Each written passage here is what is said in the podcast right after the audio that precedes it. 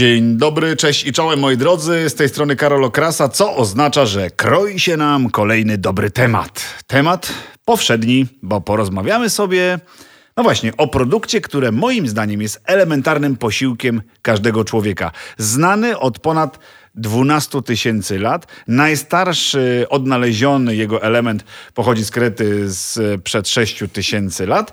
No a Egipcjanie dopiero około 2600 lat przed naszą erą spowodowali, że zrobił się poluchniutki. Mowa oczywiście o chlebie.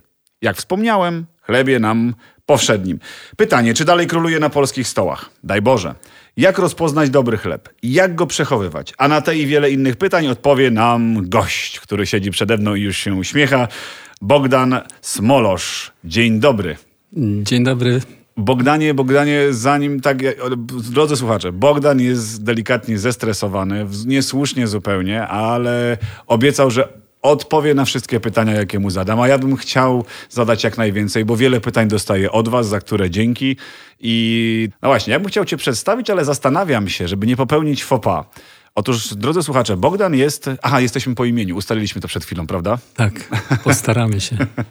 Bogdanie, y, czy ty jesteś bardziej i ciągle piekarzem, czy już bardziej laborantem piekarnictwa, jeżeli taki zawód istnieje? Wiesz, pytam w kontekście tego, czym się dzisiaj też bardzo mocno zajmujesz. No tak, ja piekarzem jestem od 44 lat. Ja zaczynałem na początku lat 70. I to zazwyczaj były małe piekarnie rzemieślnicze i, i cukiernie rzemieślnicze. I piekarstwo jakby było gdzieś tam daleko w naszej rodzinie. Rodzice chrzestni do dzisiaj mają w Katowicach piekarnię, mhm. którym dziękuję. No ale w piekarniach się wychowywałem już jako chłopak, biegając po chleb, bo mieszkaliśmy na wsi i zaglądałem tam od tyłu do tej piekarni. Kto nie biegał po chleb? No kto nie biega? A kto jeszcze to pamięta, jak się biegało albo stało w kolejce? Po... Zapisy na chleb były. Były, były i, i on był zupełnie inaczej dostępny niż teraz. Tak jest. Trzeba było gdzie rano, żeby go wystarczyło dla naszych potrzeb, dla naszych rodzin. Mhm. No ale przez 30 lat prowadziłem rzemieślniczą piekarnię małą, gdzie mhm. wszystko robiliśmy na początku bardzo dobrze, a później jak przyszły czasy lat 90., gdzie, gdzie już się wszystko zaczynało zmieniać. Jak no przyszła to... moda, drodzy słuchacze, i do tego też nawiążemy, ale do, to dopiero za chwilę, ale przyszła w pewnym momencie moda, która zmieniła życie Bogdana, yy, ale o tej zmianie za chwilę. Ale to jeszcze trochę zajęło czasu. Tak. Przez lata trzeba było piec pieczywo i okazało się, że nasi... E, inni nasi piekarze e, Wszyscy pieką i wszyscy deklarowaliśmy, że jest prawdziwe, tak. a to nie, nie zawsze do końca była prawda, dlatego trzeba było mm, podejść bardziej, kiedy zaczęliśmy się dowiadywać na temat e, organicznych e, surowców, na temat bio, to trzeba było się temu lepiej przyjrzeć, co wnosi to w życie naszych odbiorców, naszych konsumentów. No i wtedy zdecydowaliśmy się lat temu siedem, żeby stać się piekarnią organiczną, mhm. certyfikowaną bio. I mhm. przeszliśmy jako mały zakład rzemieślniczy, to była bodaj ósma chyba piekarnia w Polsce wtedy. Mhm. Zrobiliśmy wszystkie certyfikaty bio. Wtedy było jeszcze bardzo trudno pozyskać bioskładniki w Polsce, ale to jakoś udało się przejść.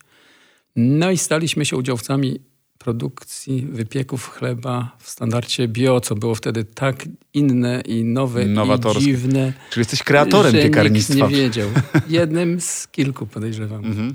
A jeszcze ponieważ chcę zapytać o, o, o jedną rzecz, bo, bo, przypominam drogim słuchaczom, że e, partnerem, patronem e, tego podcastu jest Lidl. O twoje związki z Lidlem to też e, są jasne i czytelne, bo tak do ciebie dotarłem przecież. No tak, e, Lidl znalazł mnie jeszcze jak byłem małym rzemieślnikiem w małym warsztacie mhm. I, i wtedy próbowali ze mną rozmawiać o chlebie, ale ja byłem zbyt mały, żeby móc e, cokolwiek zaradzić.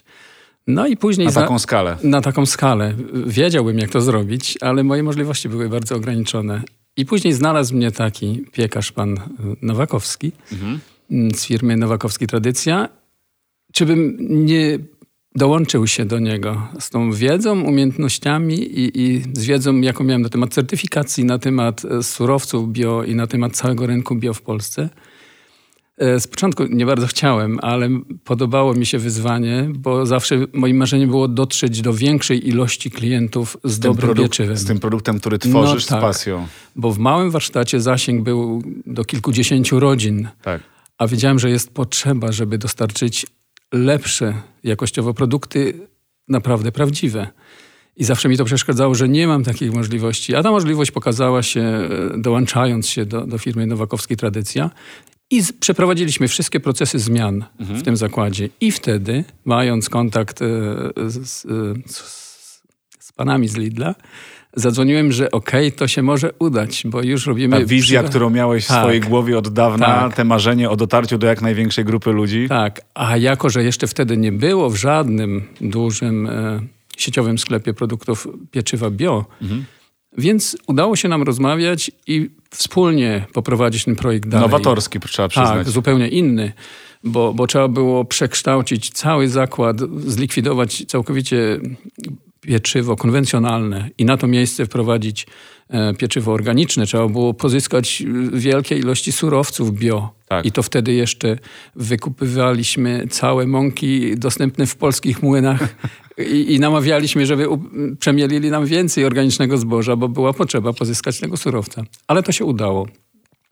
I wtedy trafiłem już na rozmowy do Lidla i widziałem otwartość ich na to, E, że to jest możliwe. Z początku nie chciało mi się wierzyć, bo ja byłem przeciwny sieciom zawsze. Mhm. Ale jak zobaczyłem, że jest inaczej niż myślałem, to ja nie mam problemu ze zmianą zdania. E, Bogdan i drodzy słuchacze, jeszcze jedna rzecz jest bardzo ważna podkreślenia, by kończąc wątek przedstawienia ciebie jako osoby tutaj godnej tego siedzenia i omawiania o chlebie, bo wspomniałem o tym, że jesteś swego rodzaju już troszkę E, laborantem, jesteś e, mm, kreatorem sztuki piekarnictwa, w, jakkolwiek byśmy tego nie nazwali, zajmujesz się bardzo wąską specjalizacją i to dla naszych słuchaczy może być cenna uwaga, bo to jest ta druga gałąź twojej działalności, niszowa bardzo. Opowiedz o niej. No tak, jeśli pozwolicie państwo, to opowiem krótko. E, mówią na mnie biopiekarz, tak się jakoś przyjęło, nie wiem, i w branżowych czasopismach. Szukajcie wszędzie, Bogdan Biopiekarz. Bogdan Smorosz, biopiekarz. E, najwięcej się dzieje na, na, moim takim Facebooku, biopiekarz gluten free, tak bo mówimy o pieczywie bezglutenowym. E, no i rozmawiając, jeszcze prowadząc piekarnictwo organiczne, utworzyliśmy na Śląsku bazar ekologiczny. Mhm. Takie moja siostra teraz, Sonia, te prowadzi. I tam mieliśmy kontakt z wieloma osobami z trudnymi wykluczeniami, z potrzebami i nie miało, nie mieliśmy gdzie ich odesłać. I po rozmowach z I nie mieliście też dla nich produktu. I nie mieliśmy dla nich e, dobrego produktu. I za namową właściwie konsumentów, to było 7 lat temu, rozpocząłem bardzo takie intensywne działania, przygotowując zupełnie osobną pracownię i prowadząc badania nad kulturami bakterii do fermentowania mąk bezglutenowych. Poczekaj, czyli ty z, myśląc o produkcie dla tych, którzy mają restrykcyjne diety, zacząłeś od badań nad bakteriami? No tak, bo całe pieczywo w mojej opinii było niewystarczające. Mhm. Bo dla mnie zawsze najważniejszy był skład. Okej, okay, czysta etykieta. W każdym pieczywie. No tak, to się teraz nazywa. Tak. Technologia bezglutenowa była zupełnie inna, dlatego wymagało to zupełnie innego podejścia. A że nie kopiowałem nikogo, tak. więc można było to przygotować zupełnie inaczej niż robili to wszyscy. Mhm. I stąd może zmieniło się to... własną technologię. No tak. I ta technologia była na tyle unikalna, że kiedy się to pokazało gdzieś tam na świecie, w różnych mediach, to, to z różnych krajów przychodzi mnóstwo dalej zapytań, żebym dołączył tam gdzieś i robił to. Mhm. Ale ja jestem w Polsce, pewnie zostanę. I chwała ci za to, bo od razu podkreślę, wy tego słuchacze nie wiecie, ale ja już się dowiedziałem od Bogdana, że były zakusy, byś tę technologię opatentował i na wyłączność w Stanach Zjednoczonych. Tak chcieli cię podkupić. Nie zgodziłeś tak, się. ja byłem w ubiegłym roku w takiej piekarni w Nowym Jorku. Boże, i, jak dobrze. I, ale się nie zgodziłem. Siedzieliśmy na takiej luksusowej kolacji, gdzie No domyślam się, że tam się, grubo że tak, było, tak. Ojej. A ja mówię, no, no, no niestety, wyłączność nie. Pięknie. No. Dzięki temu. No ale y, idąc dalej, żebyśmy tu już dokończyli ten wątek, to są chleby, które są spersonalizowane.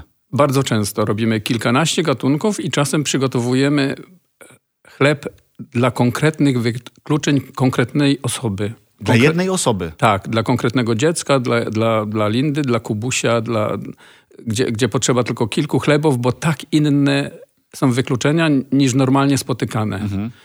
I to mi się najbardziej podoba, bo to jest wyzwanie, któremu należałoby sprostać. I takie mhm. wyzwania lubię.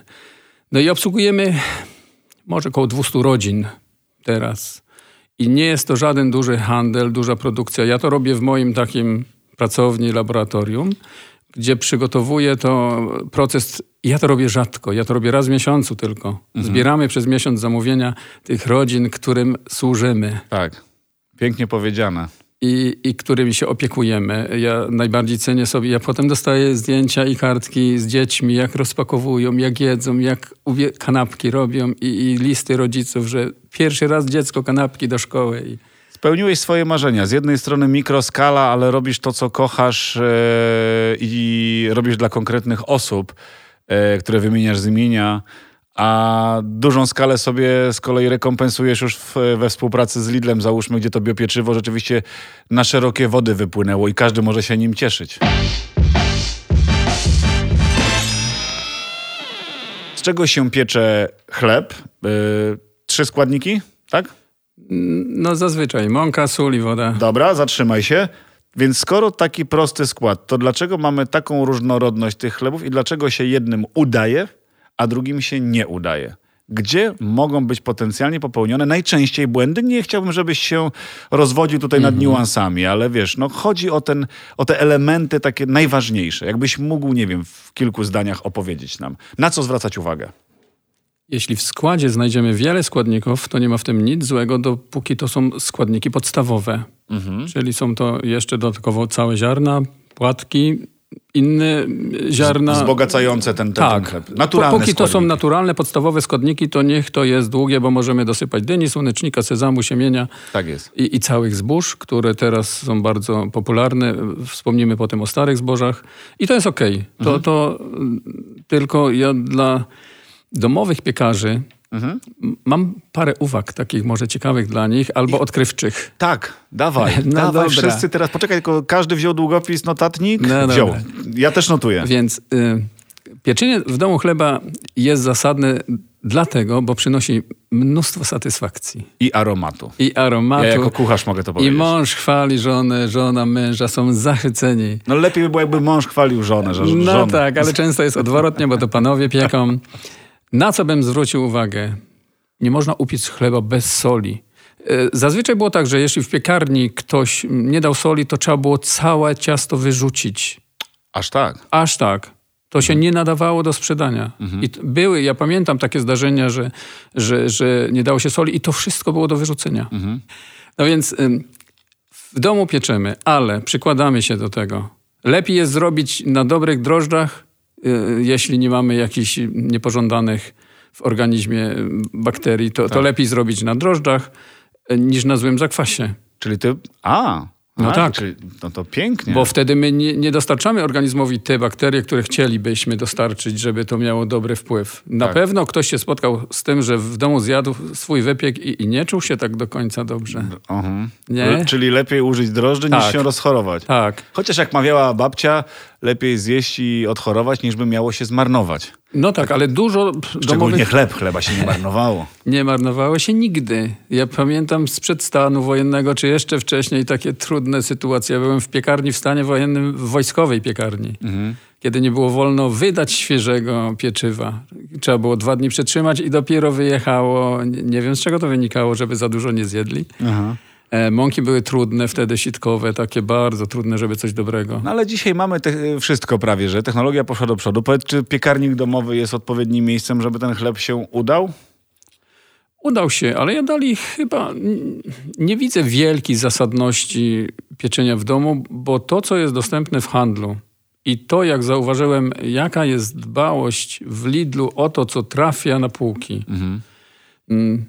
Oni nie dopuszczają często rzeczy, które ja bym z radością tam dał i uznał je jako dobre. Nie, bo, są bo, tak restrykcyjni? E, są Trudno ci się Tak roz... restrykcyjni i ja tego nie wiem, za czym się to... No oferta jest duża, wszędzie jest wszystkiego pełno. Tak. Ale czas jest... Mm, Lidl moim zdaniem jest liderem w tym, co, co robi. Tak. Dlatego na nich jakby, ja uważam, spoczywa odpowiedzialność, żeby robić rzeczy inne, i niekoniecznie... Wyznaczać trendy. Tak. I, mhm. i, I do tego chciałbym ich, nie wiem, zachęcić. Zawsze mhm. to robiłem. Bo, bo nie wszystko nam się musi w słupkach zapisać. My chcemy mieć wpływ na to, co ludzie jedzą. Je, jeśli nie... Masz wpływ. Ja ci, ja ci, już mówię, masz kto? wpływ, bo ja znalazłem informację, że chociażby e, z lektury etykiet e, w Lidlu można się dowiedzieć, że 100% bułek i chlebów jest wolnych od konserwantów. I to jest bardzo dobry element, aspekt. I to się dzieje w Lidlu i pewnie dzięki tobie, dzięki twoim ideom. No tak się dzieje, dlatego też, że, że już wcześniej y, Lidl wymyślił dobrze z odpiekiem, mimo wszystkich krążących opinii takich pobłądzonych, y, czy słusznie, czy niesłusznie. Jak już dotknąłeś tego tematu, to może go wyjaśnijmy, bo to słuchacze wielokrotnie e, przywołują, e, mając pewne wątpliwości, czy to jest ciągle dobre pieczywo, a wiesz, albo odgrzewane ktoś tam. To, to się powtarza jak mantrę. To jest... Ja znam, ja wiem jak jest, ale chciałbym, żeby oni usłyszeli od ciebie. To jest łatwo wyjaśnić, jak to jest, bo, bo wszystko opiera się na tym, mrożenie jest jedyną właściwą formą e, konserwacji pieczywa. Jedyną właściwą mhm. przechowywania. Jedyną właściwą. Jedyną właściwą. Nie, nie, reszta... Pieczywo nigdy też nie było wymyślone po to, żeby one było przez tydzień dobre, bo piekarz piecze każdego dnia. Tak. Więc proszę sobie zadać trud, żeby każdego dnia pójść do piekarni. Tak jak piekarz zadaje sobie trud, tak. żeby je wypiec. Tak. I, i, I co to w tym niezwykłego? No ale, ale wracając do mrożenia pieczywa. No mrozimy dlatego, że to jest bezpieczne, higieniczne i słuszne. Z jakiego powodu? Wtedy, tak wspomniałeś, nie musimy dać żadnych konserwantów. Tak jest. Problem jeden jest w tym, co my zamrozimy. Mhm. Bo jeśli zamrozimy towar kiepski, wypiek kiepski, to taki też odmrozimy. Mhm. Ale jak zamrozimy coś, co jest prawdziwe, naturalne, mhm. zrobione zgodnie ze sztuką, tak. taką naprawdę sztuką, sztuką. Jeśli zamrozimy to, potem rozmrozimy we właściwych warunkach, Zgodnie z ze sztuką, prawda? Tak, którą przygotowaliśmy, opracowywaliśmy, żeby to było dobre.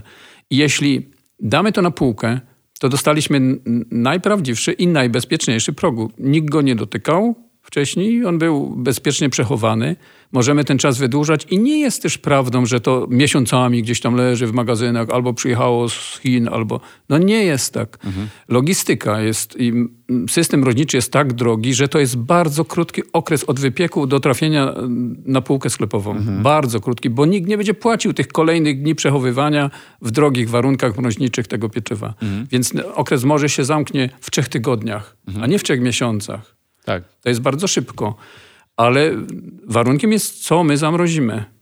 No tak, no bo później mamy ten produkt jak gdyby odzyskany w dobrej albo kiepskiej tak. jakości, ale to, co powiedziałeś, to są lata pewnie doświadczeń, e, schematów, odpowiednich procedur, które wy zrobiliście, by tę jakość e, przechować w takim, a nie innym e, mm. stylu. No tak, i musi trafić do pieca i musi uzyskać w, w miękiszu właściwą temperaturę. Dlaczego? Musi się odbudować struktura skrobi.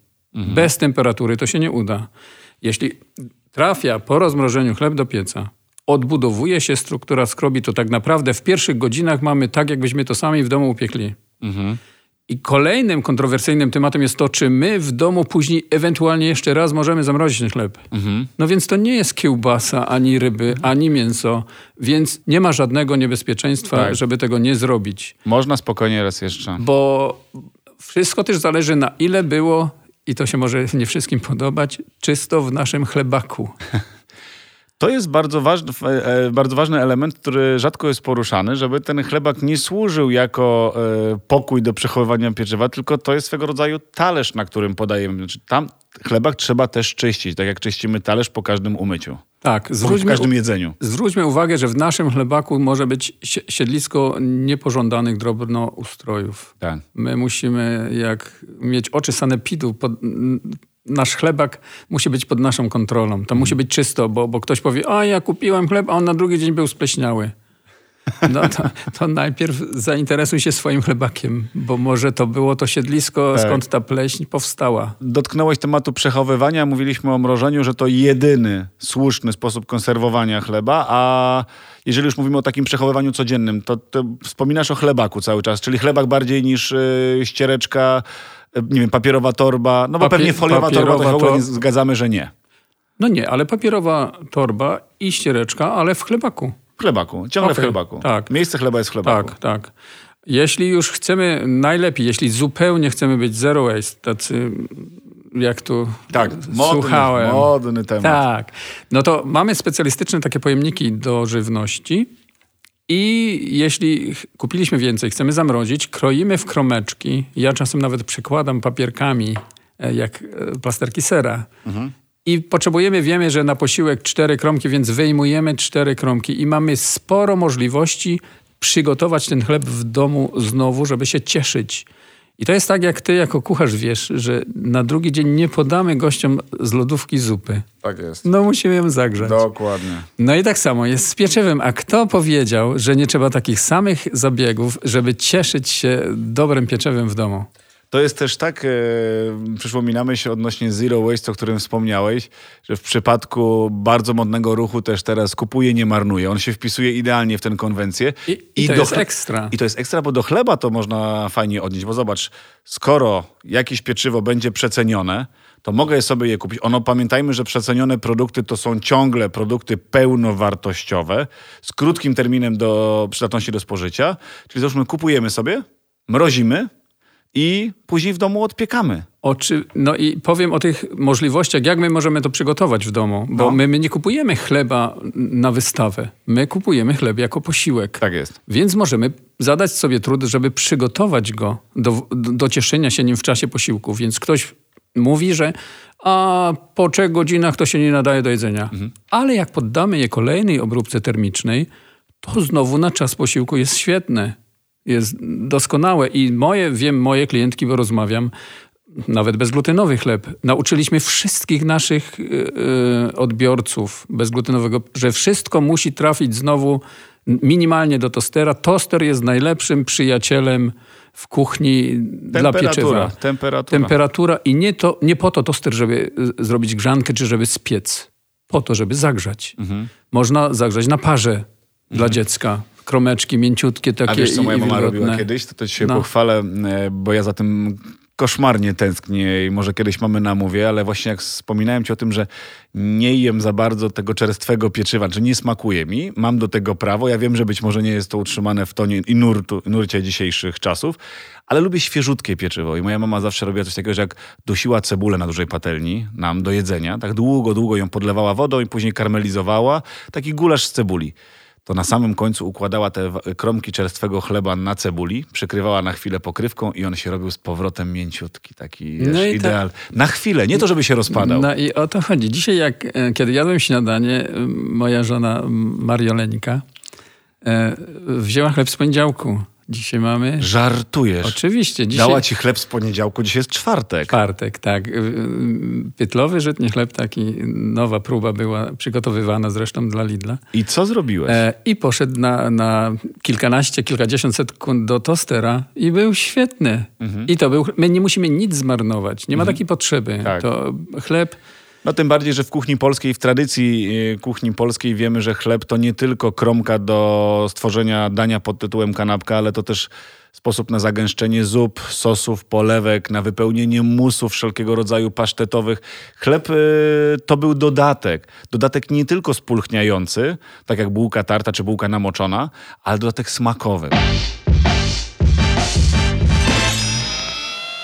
Och, staropolskiej kuchni byśmy dotknęli, jakbyśmy tak robili chleb z przyprawami, żeby, wiesz, no bo to jest jedna z metod, która powoduje, że dodajemy mniej soli, a więcej przypraw. I tak robimy. O właśnie. Ja mam specjalną taką skomponowaną przyprawę, miks czterech ziół do... do... A, widzisz. Tam jest y, kardamon, anyż, kmin rzymski i ten, i mam chętnie, no, chętnie bym dostarczał takie pieczywo dla klientów. Powiedział, jeżeli odniesiesz sukces, to pamiętaj, że pierwszy raz coś usłyszał to w tej audycji, bo moim zdaniem to jest właśnie trend, który powinien wkroczyć. Wielokrotnie o tym z owym profesorem Jaroszem mówiliśmy, że mniej soli, ale więcej przypraw, Oczywiście, że tak. aromatów, smaków, tak. żeby czuć te aromaty, smaki i to może nam wtedy pozwolić znaleźć ten kompromis.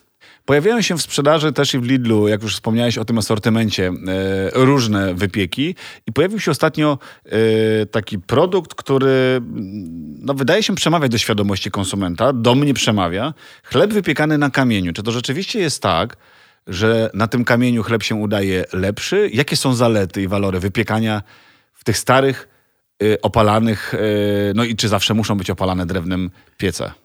Znaczy chleby, piece opalane drewnem były w czasie międzywojennym. Potem już po wojnie odchodziło się od tego, były piecy opalane węglem z rurkami Perkinsa. No tak. ty, ty, ty, ładnie to mi streściłeś przed rozmową, drodzy słuchacze. Ja powiem, Ech, że jakby tak dzisiaj każdy chciał wypiec chleb opalany drewnem, to musielibyśmy wszystkie lasy powycinać. No tak.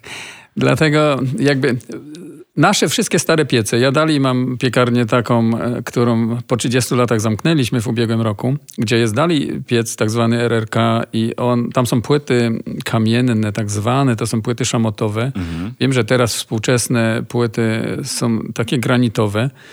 No i, kiedyś tylko tak się wypiekało, kiedyś wszystko. Teraz jak ja dla siebie kupuję piece, nawet dla, e, dla tych wypieków bezglutenowych, to chcę, żeby to nie były konwencyjne piece, tylko żeby to były piece z hertem, czyli z kamienną taką płytą, mhm. cokolwiek to oznacza. Tak.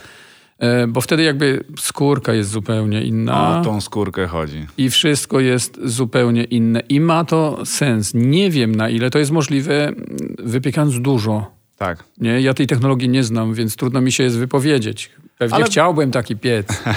Duży. Drodzy słuchacze, wy możecie sprawdzić, e, biegnijcie, pamiętajcie, wypiekany na kamieniu i sami ocenicie, czy rzeczywiście jest y, różnica. Białe czy ciemne pieczywo, twoje ulubione? Jeśli białe, to, to bio jednak bardziej. Mhm. A ciemne, no jeśli jest dużo błonnika i jeśli te ciemne jest ciemne bo, mhm. bo jest prawdziwe, naturalne, bo przemiały są takie. No bo tutaj też są różne mity, e... prawda? Yy, utarło się, że ciemniejsze, zdrowsze, ale to znowu musielibyśmy dotknąć tego tematu dużo szerzej, albo inaczej dużo głębiej sięgnąć, żeby go, bo, bo nie każde pieczywo ciemne jest tym z... fajnym pieczywem, prawdziwym. Klienci mają tak różne trudności zdrowotne, że każdy jednak musi zdecydować sam i wybrać sam, co dla niego jest pożyteczne i co mu nie szkodzi przede tak wszystkim. Tak jest. Więc y, dobrze, że jest taki duży wybór, bo każdy ma prawo zdecydować i wybrać. My y, jemy te bułki tak zwane z dynią. Najczęściej nazywamy je koślawiaczki, bo są takie krzywe. Aha.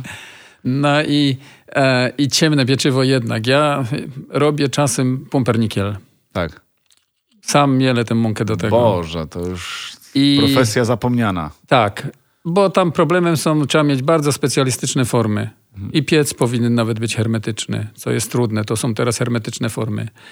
I tam e, na początku to ciasto ma zwykły kolor jak ciasto, ale po 20 godzinach w piecu, kiedy wszystkie białka skarmelizowały, to on jest ciemne, czarne i każdy myśli, a tam dolali coś. A to nie, a to jest skarmelizowane białko e, z powodu czasu, który spędziło w niskiej temperaturze w piecu. Dokładnie taka sama, czy też podobna karmelizacja, czy wpływ czasu możecie zaobserwować chociażby w czosnku czarnym, który to na początku jest zwykłym białym czosnkiem mm -hmm. pod wpływem temperatury właściwej, wilgotności i czasu, czyli magicznego składnika, robi się czarny jak smoła a, i nabiera tych fajnych aromatów. A do tego nie wiedziałem. No. Zastanawiałem się, dlaczego ten czosnek taki jest. To jest zupełnie ten sam czosnek, co biały czosnek, tylko przechowywany Aha. w specjalnych warunkach. I on właśnie pachnie, on ten grzybowy aromat łapie. Tak samo mm -hmm. jak w, pumperniklu, bo, bo przyszło mi to na myśl myślę, że możemy jasno, śmiało powiedzieć, wysnuć taką tezę, że mm, i białe, i ciemne jest super. Trzeba tylko wiedzieć, na co chcemy się zdecydować, a że mamy wybór, no to wybierajmy. Tak, wybierajmy i nie rezygnujmy z pieczywa, bo jednak. Wiecie, pieczy... A ty się nie boisz glutenu? Wiesz, bo to, to, to kolejna odsłona e, historii pieczywa czasów nowożytnych, kiedy to ludzie zwariowali.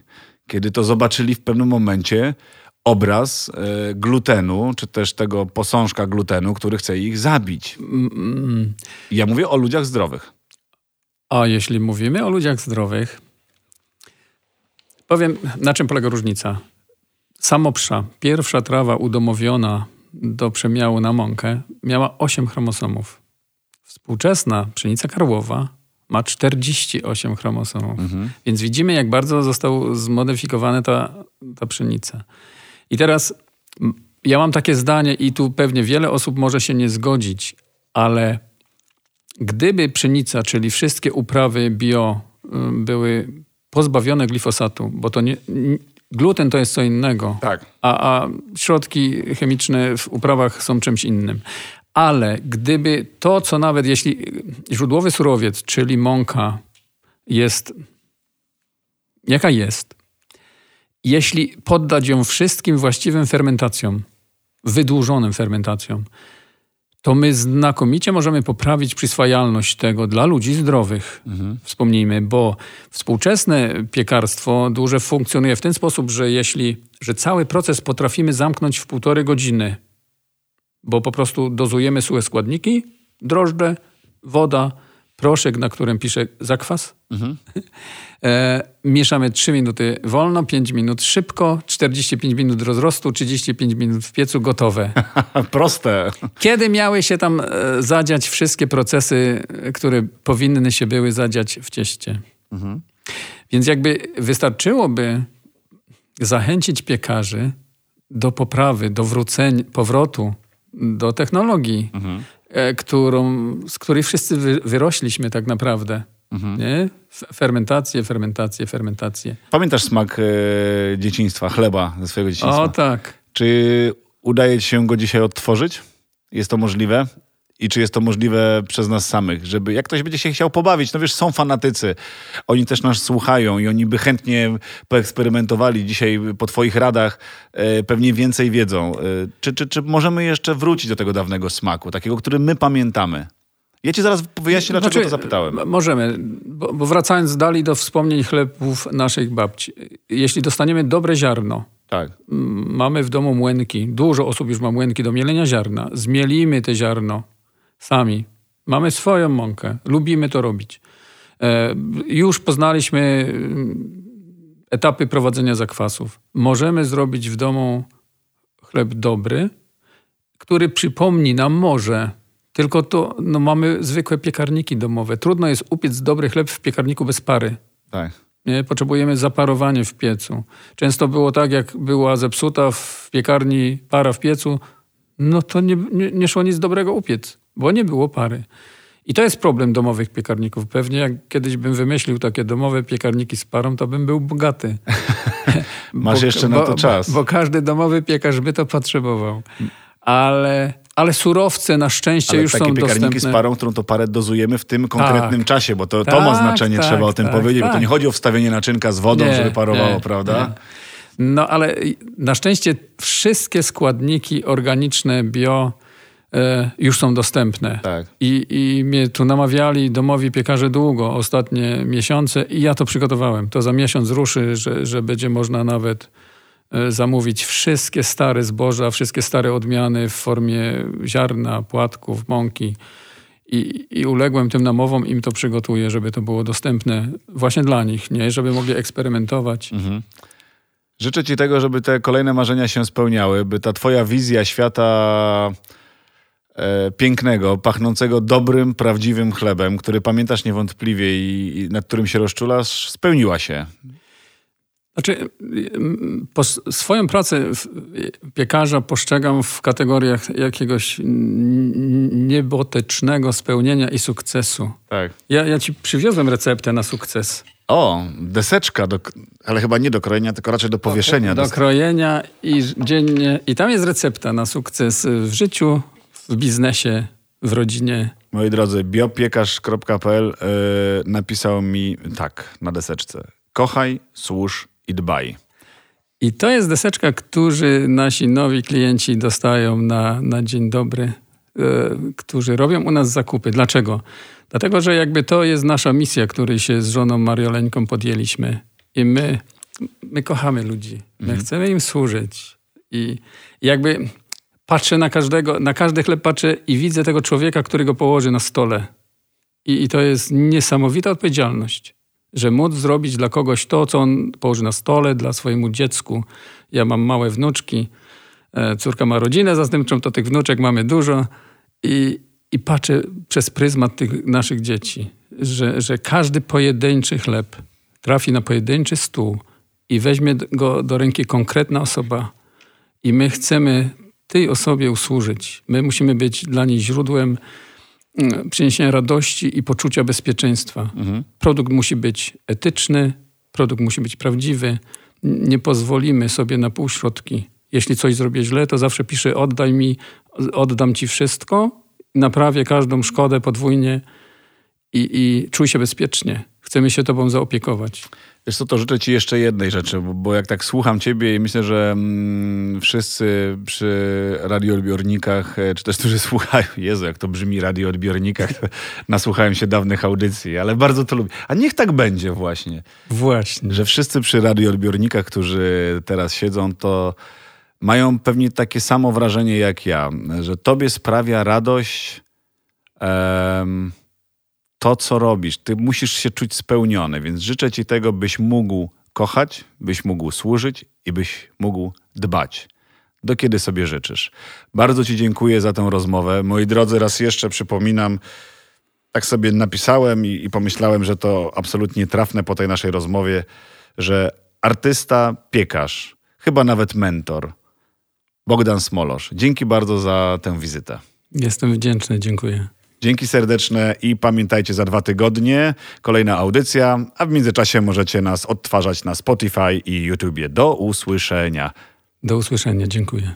Ależ bym tak teraz chrupał pachnącą kromeczkę ciepłego chlebka. A ciepłe babcia mówiła, żeby nie jeść, bo się kiszki będą skręcały. Tak mówiła.